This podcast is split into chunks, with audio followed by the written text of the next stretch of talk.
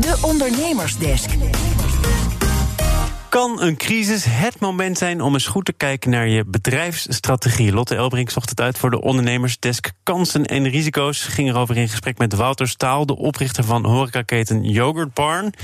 Die midden in de crisis begint met klimaatpositief ondernemen. Klimaatpositief, goed. Lotte, dat is een eh, opvallende stap, zo midden in de coronacrisis, denk ik. Ja, in eerste instantie zou je zeggen van wel, want de yoghurtbar moet voorlopig nog dicht blijven, net als alle andere horeca.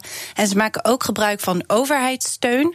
Maar oprichter Wouter Staal, die wil niet stilzitten. En de crisis ziet hij juist als een uitgelezen kans om eens even met die bedrijfsstrategie aan de slag te gaan. Eigenlijk is het nu om meerdere redenen goed om na te denken over je bedrijfsstrategie. Uh, aan de ene kant, je zit thuis.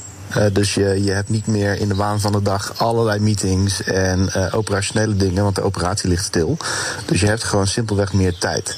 Uh, aan de andere kant heb je dus ook meer tijd om na te denken.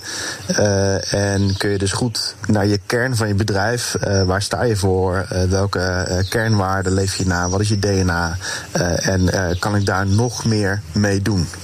dus eigenlijk zijn dat de redenen om juist nu na te denken over hoe kan ik mezelf beter positioneren hoe kan ik er, als dadelijk weer iets open gaat, uh, hoe kan ik er dan beter uitkomen? Ja, en daarom maakt hij nu dus werk van klimaatpositief ondernemen.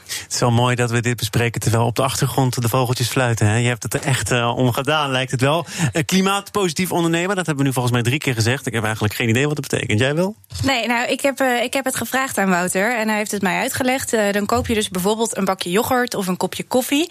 en zij planten daar bomen voor terug. Daarnaast gebruiken ze ook duurzamere producten en verpakkingen. Zodat als je alles bij elkaar optelt, ze meer CO2 CO2 uit de lucht halen dan dat ze uitstoten voor het maken van die yoghurt of het zetten van die koffie.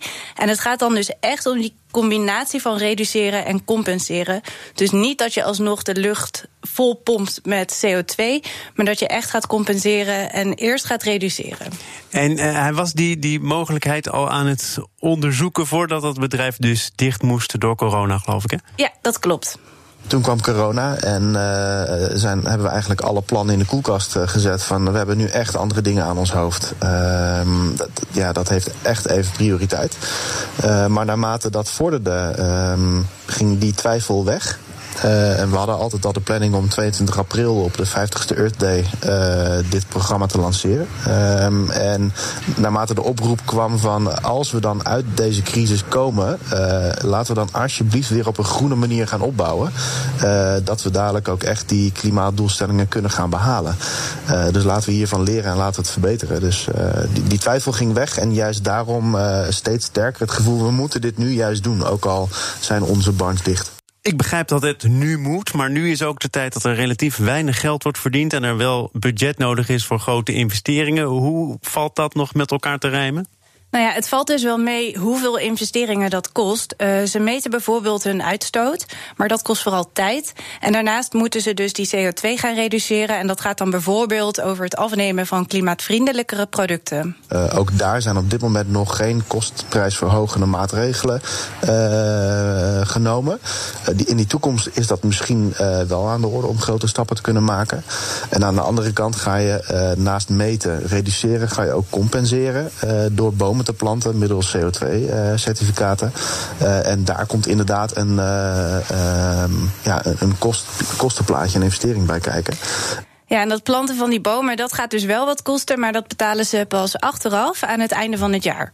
En uh, Wouter krijgt dus nu ook van andere ondernemers de vraag of hij hen kan helpen met dat klimaatpositief ondernemen. Ja, en dat is ook mijn doel. Ik wil anderen inspireren om uh, uh, niet alleen Yogabar, maar gewoon heel veel andere bedrijven datzelfde doel te laten nastreven. Ja, en zijn belangrijkste tip daarbij is: kijk eerst eens even goed wat het voor jouw bedrijf kan betekenen. Uh, waar kan je beginnen met uh, compenseren? Ga het gesprek aan met je stakeholders en wees niet te bang dat het je al te veel gaat kosten. Want in de meeste gevallen valt dat dus heel erg mee. Dat blijkt. Lotte Elbrink hoorde je in gesprek met Wouter Staal, oprichter van de Yogurt Barn. En wil je meer horen uit de Ondernemersdesk, dan vind je alle afleveringen terug als podcast via onze site of de BNR-app.